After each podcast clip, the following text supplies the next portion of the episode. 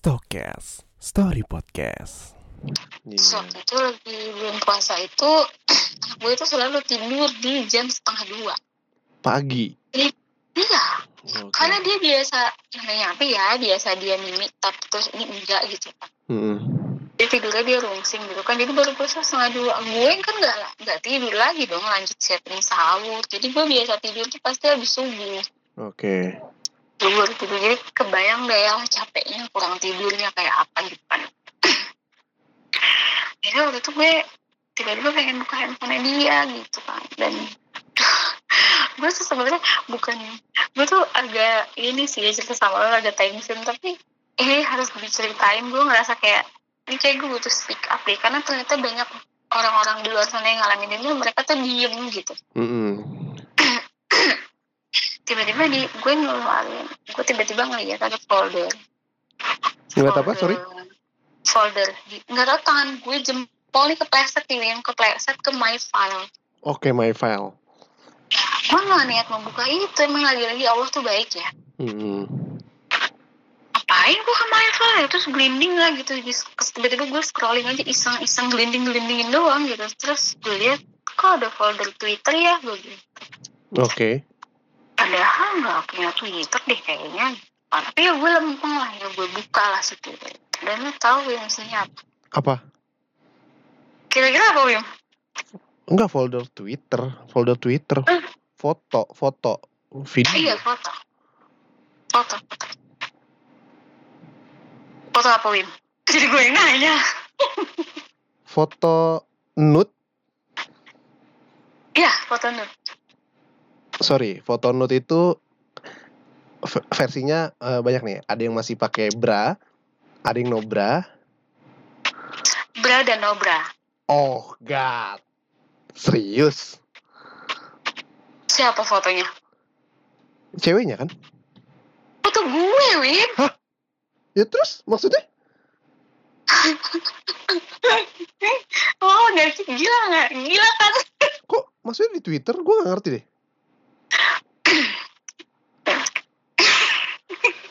lo mau minum dulu kan? Nih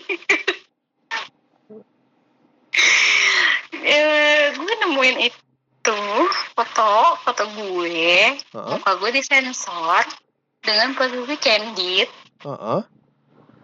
gue nggak tahu dia naruh handphonenya di mana itu jam berapa gue nggak tahu.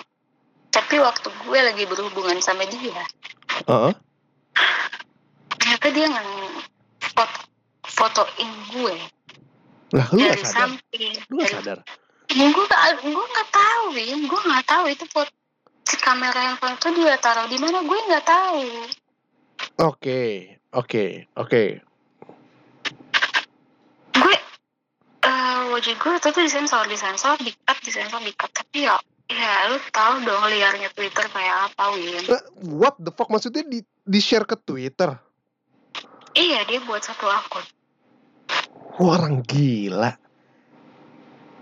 lu kebayang wajah gue kan Win lu kebayang dong gue kayak gimana saat itu gitu Ya kalau dari foto lu sih ya jadi kebayang nih. Jadi bingung gue. jadi lu bayangin emang Ya, terus kan gue gue tuh masih kayak orang gue tuh kayak orang bego waktu itu kayak Enggak, kok bentar, sorry, sorry, sorry. Di hmm, folder Twitter berarti itu folder eh, file yang udah di-upload ya? iya udah diupload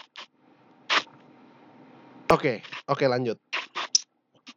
gue nggak punya twitter kan gue nggak punya twitter jadi gue langsung dari web kan kalau dari web bisa ya Oh bisa, bisa, bisa. Dari web gue buka username itu ada sekitar 10 foto gue semua gue udah macam Gisel pokoknya waktu itu Wah gila. Lu jangan lah, sebutin akunnya ya, oke? Karena ntar oh enggak enggak ada sudah gila udah gila. dihap udah dihapus Wim Oh udah dihapus, oke. udah Nah, terus gue waktu itu cuma diem. Nah, kalau itu gue nangis tuh. Udah gak bisa ngomong apa-apa deh. Gue nangis deh udah. Itu harga Kayak gila diri gue. sih seorang istri sudah. Ya udahlah oke. Gue nangis. Terus gue langsung, apa namanya tuh, gue langsung asam lambung, asma gue kumat. Oh, udah gila deh pokoknya. Tapi gue waktu itu memutuskan untuk diem dulu. Gue belum ceritain ini ke siapa. Wah gila. Oke, Gue diem dulu. Gue diem dulu. Gue cari buku. terus dia bingung dong kenapa kok tiba-tiba sakit kata dia gue gak mau basa-basi gue tonjok dong muka dia Buset. Oke. gue tonjok gue tendang dong Win tenisnya dia gue kesel banget gue ya Allah. kayak ya Allah apaan sih gue gue kayak kerudung nih gitu kan gue tuh pakai kerudung gue keluar rumah aja keluar teras rumah aja gue pakai kerudung Win lu bayangin gak sih sakit hatinya gue kayak apa waktu itu Iya iya iya. terus Paham gue. gue gak ngomong apa-apa gue cuma nendangin dia doang ngabokin dia doang dia mau sujud-sujud minta maaf sama gue gue Gue penasaran alasan dia apa? Nah, gitu. Kenapa? Kenapa? Kenapa? Gue cuma bilang gitu doang. Kenapa mesti aku? Kenapa mesti aku? Di akun Twitter itu banyak bokep yang bisa lo tonton gue bilang. Banyak bokep yang bisa lo nikmatin. Kenapa mesti gue? Gue bilang gitu. Nggak sorry, nama akunnya itu bukan nama laki lo atau nama lo Oh ya? bukan, nama menye-menye deh pokoknya. Iya, iya, pokoknya iya. nggak ada identitas gue, nggak ada identitas gue, nggak ada identitas dia. Kondisi foto di blur kan? Blur, ada yang Oh. di blur, ada yang di cut muka gue ada. Kenapa aku? Dia cuma diem aja. Ini nggak mungkin kalau nggak ada alasan. Alasannya cuma dua. Eh, kalau kamu nggak punya alasan berarti kamu sakit jiwa. Gue bilang gitu. deh. Dia diem aja. Dia bilang alasannya apa coba? Fantasi dia. Gila ya. Gi- Gue Gila.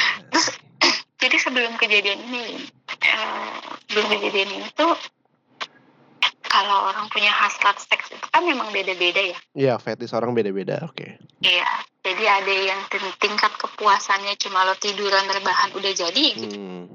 Kalau yang ini memang mintanya banyak gaya nih, Hmm. mintanya banyak gaya. Terus gue, dia tuh suka banget beliin gue Wim. tapi gue mau oke-oke aja dengan suaminya, sama istri gitu kan. Jadi dia tuh suka suka emang ya ibarat ya bahasanya kayak ya udah seks kita gaya nakal lah gitu pokoknya. Oke. jadi gue tuh ngerasa gue udah sejauh ini belajar terus lo bisa-bisa nge-share itu ke orang gitu dengan alasan kayak dia tuh kalau feeling gue ya kalau feeling gue gue kan pernah gue kan pernah belajar tentang psikolog juga kan di jurusan gue di Hmm. kampus gue kan Hmm. jadi kayak orang tuh dia tuh kayak seneng gitu loh kalau badan gue tuh dipuji sama orang gitu What the fuck? Hmm. Fantasi orang tuh beda-beda. Ternyata ada loh yang kasih itu. Dan gue ngalamin itu setelah gue melakukan penelitian itu. Gila nggak? Gue melakukan penelitian itu. Gue ada di tahap itu. Kayak, ya ya. Kenapa begini sih ceritanya? Ini Mas Aris juga nggak gitu padahal ya. Ya nggak gitu. Ini udah beda melayan putus ya cuy. Udah ganti nih episode-nya. Udah ganti episode. Oke oke oke. Ini udah. Udah lebih drastis lagi filmnya. Terus udah gitu. Ceritanya. eh terus oh gue gue nggak mau ngomong apa apa gue nggak basa-basi gue ganti baju ke mana kata dia pilih mau ke rumah mama aku atau ke rumah orang tua kamu gue masih ngasih dia pilihan Oke. dia pilih ke rumah ayahnya dia dong Iyalah. Ayahnya gue turun gue tuh gue mengalami tapi gue bangga sih Wim bangga sama diri gue yang kalau ngadepin apa apa tuh tenang Iya ya. Dari cerita lu tadi, gue melihatnya lu tuh super tenang banget sih. Iya, gue gegabah. tenang, gue nggak gegabah. Terus gue masih, gue ada banyak sifat cueknya, Wim. Jadi akhirnya ternyata Allah tuh ngasih gue sifat cuek ini untuk lo akan memasuki tahap ini nih gitu. Hmm.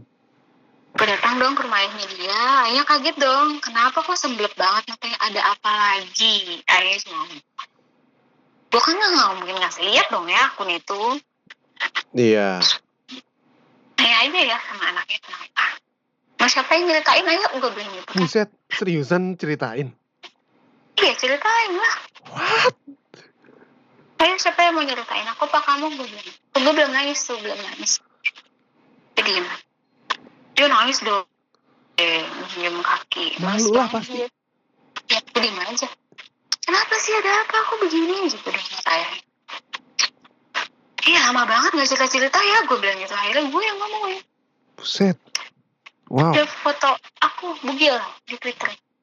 Itu dia itu yang upload pelakunya. Ini masuk undang-undang ITE nih, gue bilang itu ya. Nyokap gue kan kerja di hukum, Wim.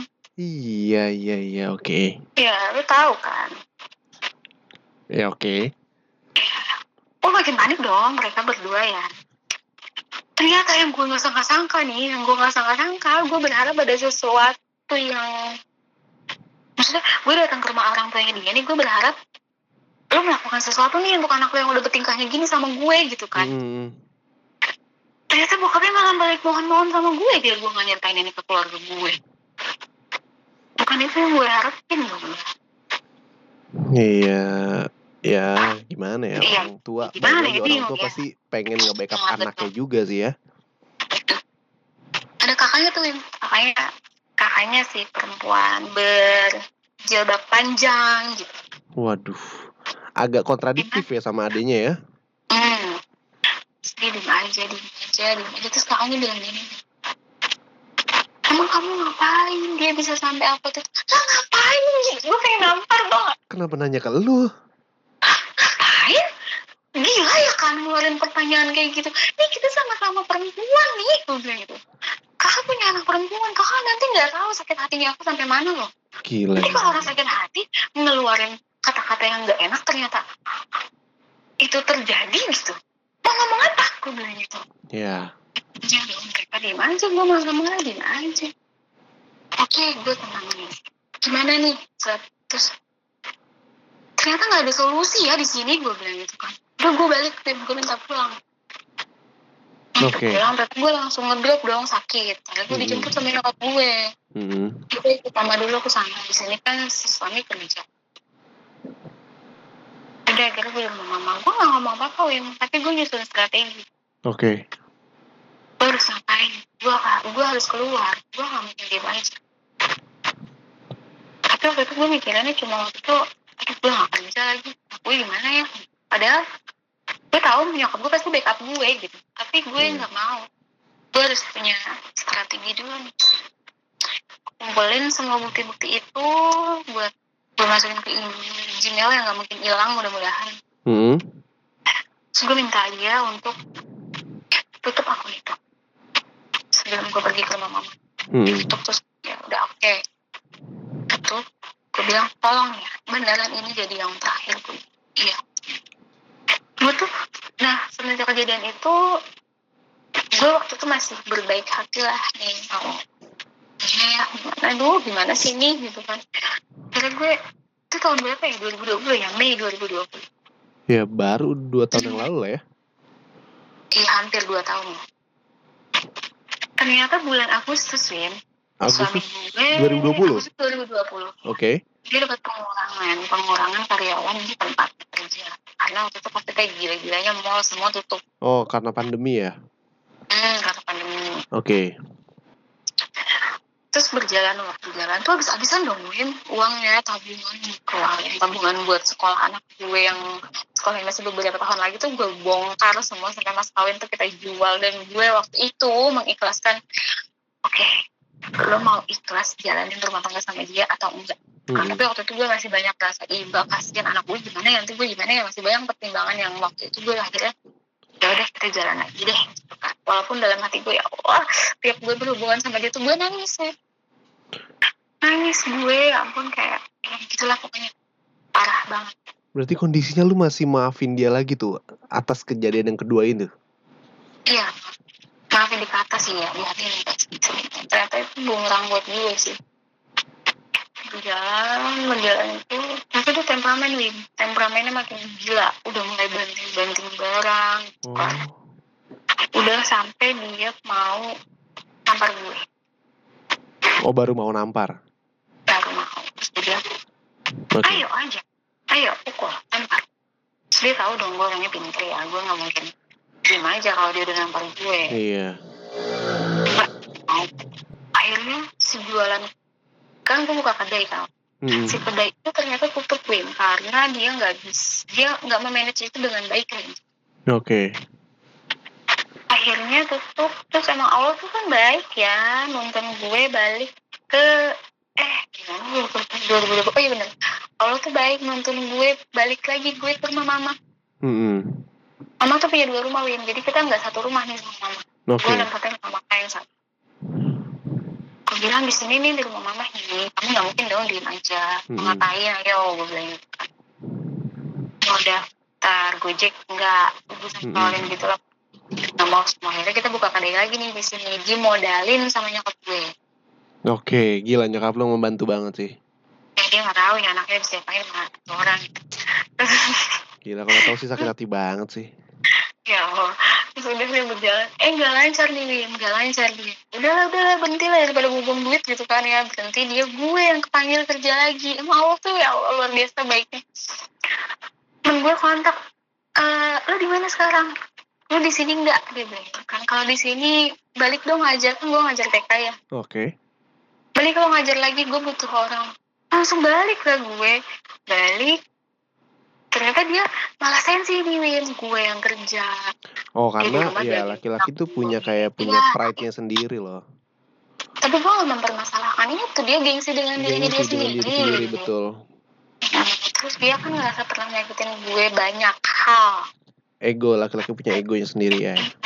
oh gue nyalain itu. Awal-awal gue masih bilang ayo jangan gini dong kalau kerja buat bareng-bareng gue masih berbaik hati dong waktu itu sampai gue bilang "Eh, ya udah kamu cari kerja. Kalau kamu gak nyaman di sini kita pindah lagi. Mm-mm. karena kemarin ekonomi kita nggak memungkinkan untuk kita bayar kontrakan per bulan gitu. Ditambah Betul. anak gue waktu itu masih pempes dong. Betul. oh ya udah. Kan udah udah nih berjalan. Terus dia tiba-tiba cemburu Wim sama teman kerja gue jadi di di sekolah itu ada satu guru cowok. Mm-mm. dia punya istri ya ya usah gue colek-colek ya. Mm-mm. gue bilang dia oh gue mau selingkuh ya. Gue mau selingkuh sama om-om gue bilang gitu ya. Yang punya duit. Mm-mm. ngapain sih main doang sama orang gue bilang gitu. Mm-mm. ternyata berjalan waktu itu gue makin nggak baik-baik aja. Gue makin nggak mau ngaca Wim. Gue nggak mau di kamar mandi ada kaca. Gue takut. Sampai yang takutnya gue tuh udah mojok tiap diajak perhubungan gue nggak mau. Gue sering pura-pura kalau gue bilang gue lagi main sampai gue tuh numpahin lipstick merah gue di softtek biar gue bilang tuh aku lagi main soal nggak bisa kita main gitu. Wow. gue ngerasa gue gue udah gak sehat. Gue udah gue sampai gue gak kenal gue siapa ya. Gue ngapain sih? Gue kenapa sih? Gantung ngeluarin air mata tuh gue susah. Gue tau gue gue ada masalah di sini. Sampai akhirnya gue gak punya harapan datang nih apa pas terus gue cerita lah sama guru ngaji gue. Kalau sama cerita sama guru ngaji itu kan dia punya pandangan versi agama dong ya. Iya. Iya iya. gue tanya gimana ya nih gue "Tuh, kali ini nggak bisa Terus dia tanya dong kenapa masalahnya? Cerita cerita gitu gitu terus si guru ngaji gue tuh si umi itu cuma jawab gini dong sholatnya gimana di rumah? Cuma nanya gitu. Dari sekian banyak masalah cuma sholat yang ditanya. Ah Oke. sholatnya ya gitu. Terus mau ngarepin apa? Kata dia Waduh. Dun- dunia yang gampang dia kasih aja dia nggak kasih kamu kamu ngarepin akhirat ya? Ikhlas nggak jalaninnya? Kalau ikhlas kamu pahalanya banyak. Tapi kalau di belakang lu jadi dosanya lu kamu dong. Gitu. Sepele ya. Tapi Dalam sih. di hati. Dalam ya. gue gue makin oleng tuh. Makin oleng gue makin nggak mau pulang ke rumah makin dikit-dikit gue marah dikit-dikit gue itu pokoknya BTN gue tuh akhirnya gue dong ke anak gue. Mm-mm. sampai akhirnya kita berantem berantem bener-bener berantem. Dia narik gue di depan nyokap gue. Hah? nyokap gue kan marah dong. Udah gitu udah ada bokap sambung nih yang ceritanya. Mm-mm. marah dong bokap sambung gue. Kenapa jadi begini gitu kan? Akhirnya gue memutuskan untuk rapat keluarga. Nggak mau tuh dia dia tahu gue pasti akan bongkar masalah ini. Waktu itu dia mas, lu ya, lu punya kartu as ya. punya iya dua minggu dua bulan yang lalu deh gue bilang ini sama dia. Tolong perbaiki sifatnya dong jangan marah-marah kayak gini takut gue bilang. Aku tuh udah gak ada feeling apa apa nih sama kamu. Sekarang tinggal kamu yang membawa aku ke mana. Makin gak ada feeling makin jauh sama kamu atau kamu bisa balikin sayang aku dulu ke kamu kayak dulu gue bilang gitu kan. Caranya cuma satu tolong balik jadi orang yang dulu nggak kayak sekarang. Kalau orang yang kamu tuh kayak kamu kayak lagi kehilangan arah gitu. Kan makanya jangan makanya sholat. Gue cuma bilang gitu. Kan Mm-mm. orang tuh kalau kehidupannya mau diperbaikin kan perbaikin dulu dari sholatnya kan? Betul, perbaikin dulu betul. sholatnya gue bilang gitu. Ini gimana dia? Dia mengabaikan itu sampai akhirnya gue udah ah mas dosa-dosa lu sendiri gitu. Enggak, sorry, ini lu bilang ini dua bulan yang lalu. Oh enggak maksudnya dua bulan sebelum gue rapat keluarga Oh, dua bulan sebelum keluarga. Oke, oke, oke. itu rapat keluarga tuh gue bulan April berarti dari bulan Januari 2021 gue udah ngomong itu sampai gue bilang kalau sampai nih sampai aku cerita ke mama ke keluarga kita kalau kamu pernah begini-begini itu tandanya aku minta selesai ya gue bilang Oh iya iya iya. Jangan gitu lah jangan gitu jangan gitu tapi jangan gitu juga dong gue bilang gitu kan kan kita simbiosis mutualis nih aku udah berusaha keras loh nerima kamu kembali dengan segini banyaknya beban aku gue bilang Oke. Iya oke, Dia ternyata dia kayak gitu dong. Gue marah dong ya, lu udah nyakitin gue, lu gak ngasih nafkah gue, terus lu kayak giniin gue, jadi lu nganggep gue apa gitu. Kalau Mhm. cuma lu butuh kepuasan, cari yang lain aja. Cari ABG tuh cabai-cabean yang cuma mau dipakai doang, gue bilang gitu. Udah banget ya gue. terus udah gitu, akhirnya gue minta rapat keluarga nih, gue minta rapat keluarga, terus dia bilang, jangan nanti aku mau bunuh diri. Ya sok aja bunuh diri. Gue kasih tuh pisauin. Saking gue udah bodo sama teman dia ya. Gila. nih ayo aja mau diri nggak apa-apa kamu habis itu mau bilang aku jadi tersangka juga nggak apa-apa gue bilang tapi kan dia tahu ya gue ngerti hukum gitu Iya. gue tahu hukum jadi nggak ada sepanjang perjalanan ke rumah ayahnya dia diem gue ceritain dong di rumah ayahnya gemeteran gue nggak berhenti nangis tuh. Baru tuh air mata gue keluar banyak tuh. Hmm. Masa kayaknya yang kemarin-kemarin tuh baru keluar hari itu ya karena ngeliat nyokap gue nangis tuh sedih banget. Ngeliat nyokap gue nangis itu itu yang paling gue takutin. Itu yang paling gue takutin kalau gue cerita. Gimana ya perasaan gue aja sakit gimana mama ya? Gitu Iyalah, orang tua. iya karena iya apalagi dulu nyokap gue tuh korban KDRT gitu Wim. jadi kayak luka luka yang dulu tuh belum sembuh nih baru udah terjal lagi lukanya gitu lo obatin juga Iya, enggak apalagi gitu. ketimpa sama anak sendiri gitu. Iya kayak ya ya mamahnya gitu Waktu itu gue mikirin mama aja Cuma ternyata itu bumerang buat gue ya Akhirnya udah ketemu lagi itu Mama udah marah dong ya Mama bilang udah pisah rumah dulu gitu. Pisah rumah dulu Oh ya udah Ada rumah Terus anak gue ulang tahun nih ceritanya. Nggak mungkin dong papahnya nggak datang. Betul. Malah dia ke rumah mama Terus dia bilang masih minta dikasih kesempatan.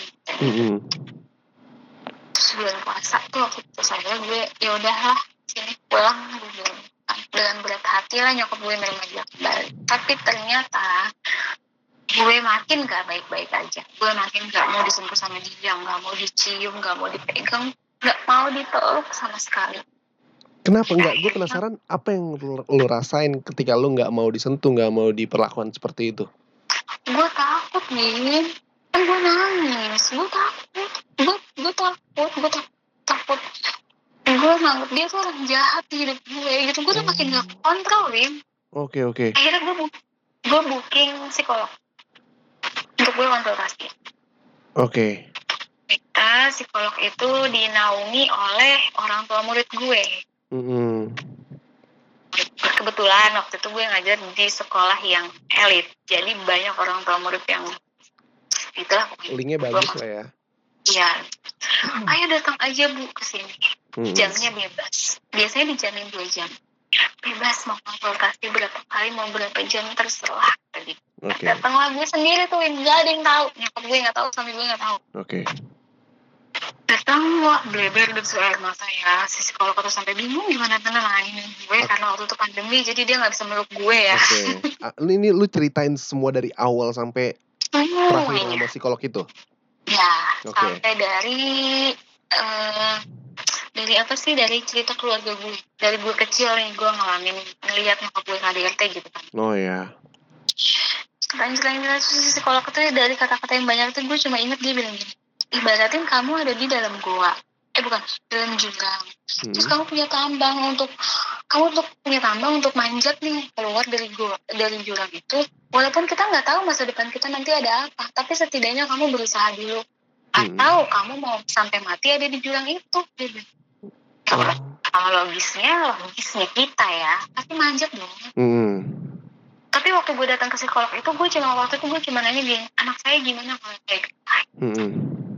Psikolog gue kan kuliah di pendidikan anak usia dini kan. Jadi gue secara nggak langsung tuh gue tahu lah psikologis anak tuh kayak apa gitu. Kan Hmm.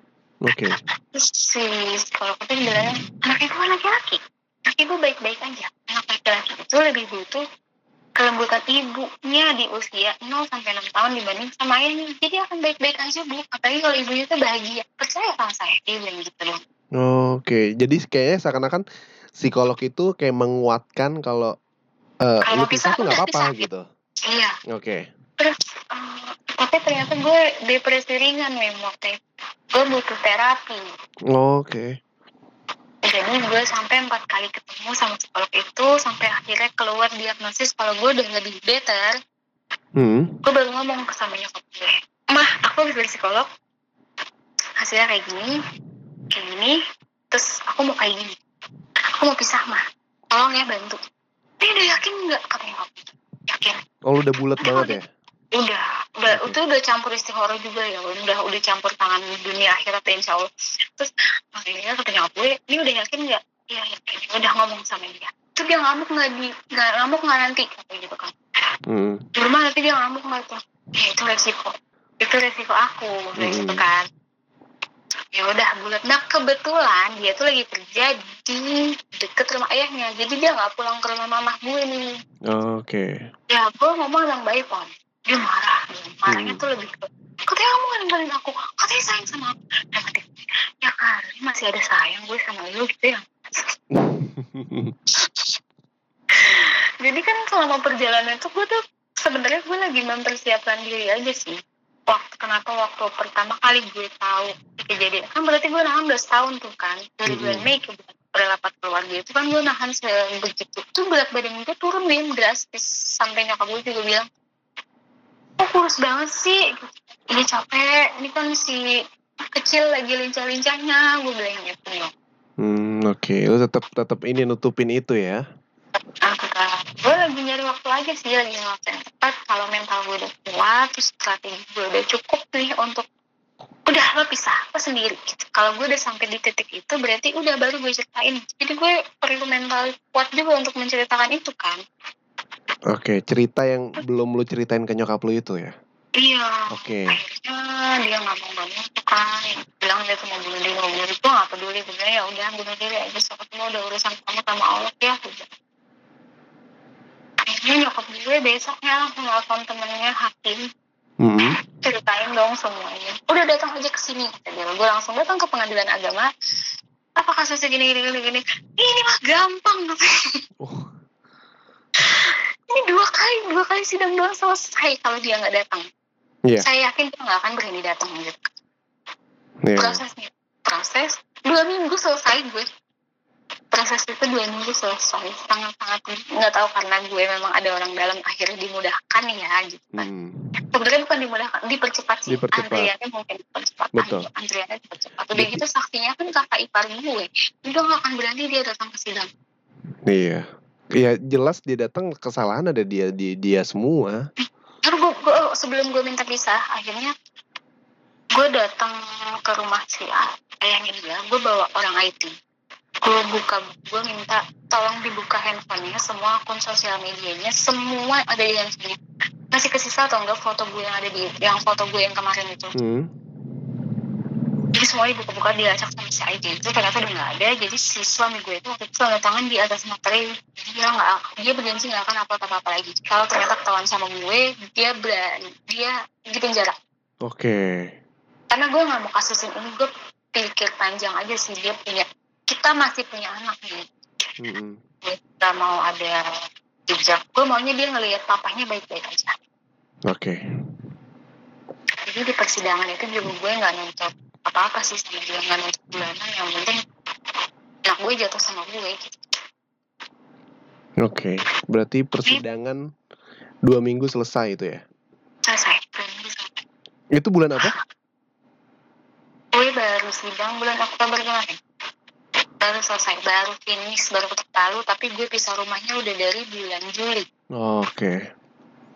Berarti lu terakhir ketemu sama mantan laki lu kapan? Pas lu bawa orang IT ke rumahnya itu? iya betul tapi sekarang sekarang ini gue nggak ya sudah lo datang ke sini nggak apa-apa kok kalau mau ketemu anak anak gue anak kita gitu nggak apa-apa Oke. Tapi kondisi hubungan komunikasi lu sama mantan laki lu sekarang gimana? Ya, gue menjauh Oh lu menjauh. gue blok waktu awal-awal itu gue blocking semua Oke. blocking WhatsApp sosial media semuanya semuanya gue blocking gue bilang kalau lo mau cari anak lo ke nyokap gue dulu karena gue butuh ketentraman hati dulu. Oh jadi ketika dia mau ketemu anak lu, lu nggak ada di situ ya? enggak gue minder jadi Oh. dia ketemu di nyokap gue Oh iya. iya. walaupun nyokap gue empat juga kayak Ya sebelah pasti. Iya gitu lah ya. Tuh jadi jadi tuh kayak ternyata ternyata jadi waktu kemarin gue di pengadilan tuh gue dibantu sama asistennya si hakim itu kan ternyata ternyata tuh banyak kan kasus-kasus kayak gini yang mereka tuh nggak mau up gitu kayak eh ini kan harga diri yang yang yang jadi perempuan ya Mm-mm. ini juga sebenarnya pro kontra sih karena keluarga gue ada yang ini laporin aja. Ya. Iya, Ya tapi di satu sisi kan lu melihat eh lu apa namanya masih melihat kemanusiaan lah ya. Masih ngelihat Iya. itu bahwa dia tuh ayahnya anak lo gitu. Mm-mm. Sebenarnya gue agak kasihan sih sama dia karena yang butuh psikolog itu bukan cuma gue, dia butuh psikolog juga, tapi keluarganya nggak aware soal itu. Tapi gue udah bodo amat, bodo amat, ah, gue udah nggak ngurusin gitu. Yang penting gue sekarang baik-baik aja nih. gitu. Tapi beneran gue udah baik-baik aja sekarang. Jadi setelah gue pisah rumah sama dia, gue nemuin ketenangan yang udah lama gak gue temuin. Gue nemuin ketawanya gue yang udah lama gak gue rasain gitu. Gue tuh sampai ketawa kebahak-bahak sampai na- sampai nangis Lin, saking ih lo bahagia lagi ya sekarang gitu sedih sih Kayak ya, ya, ya. bener Iya, berarti kata psikolog itu lo udah naikin tambang lo dan ternyata ini Iya. gitu. iya kayak terus kata terus ya apa dia anak gue drama sih nanya papa mana papa mana? Ya gue sepakat bilang sama dia papa kerja.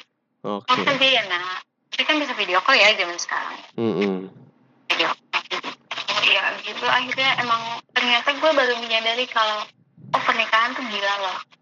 Ternyata lo nggak bisa sepele ternyata lo nggak bisa gampangin itu gitu.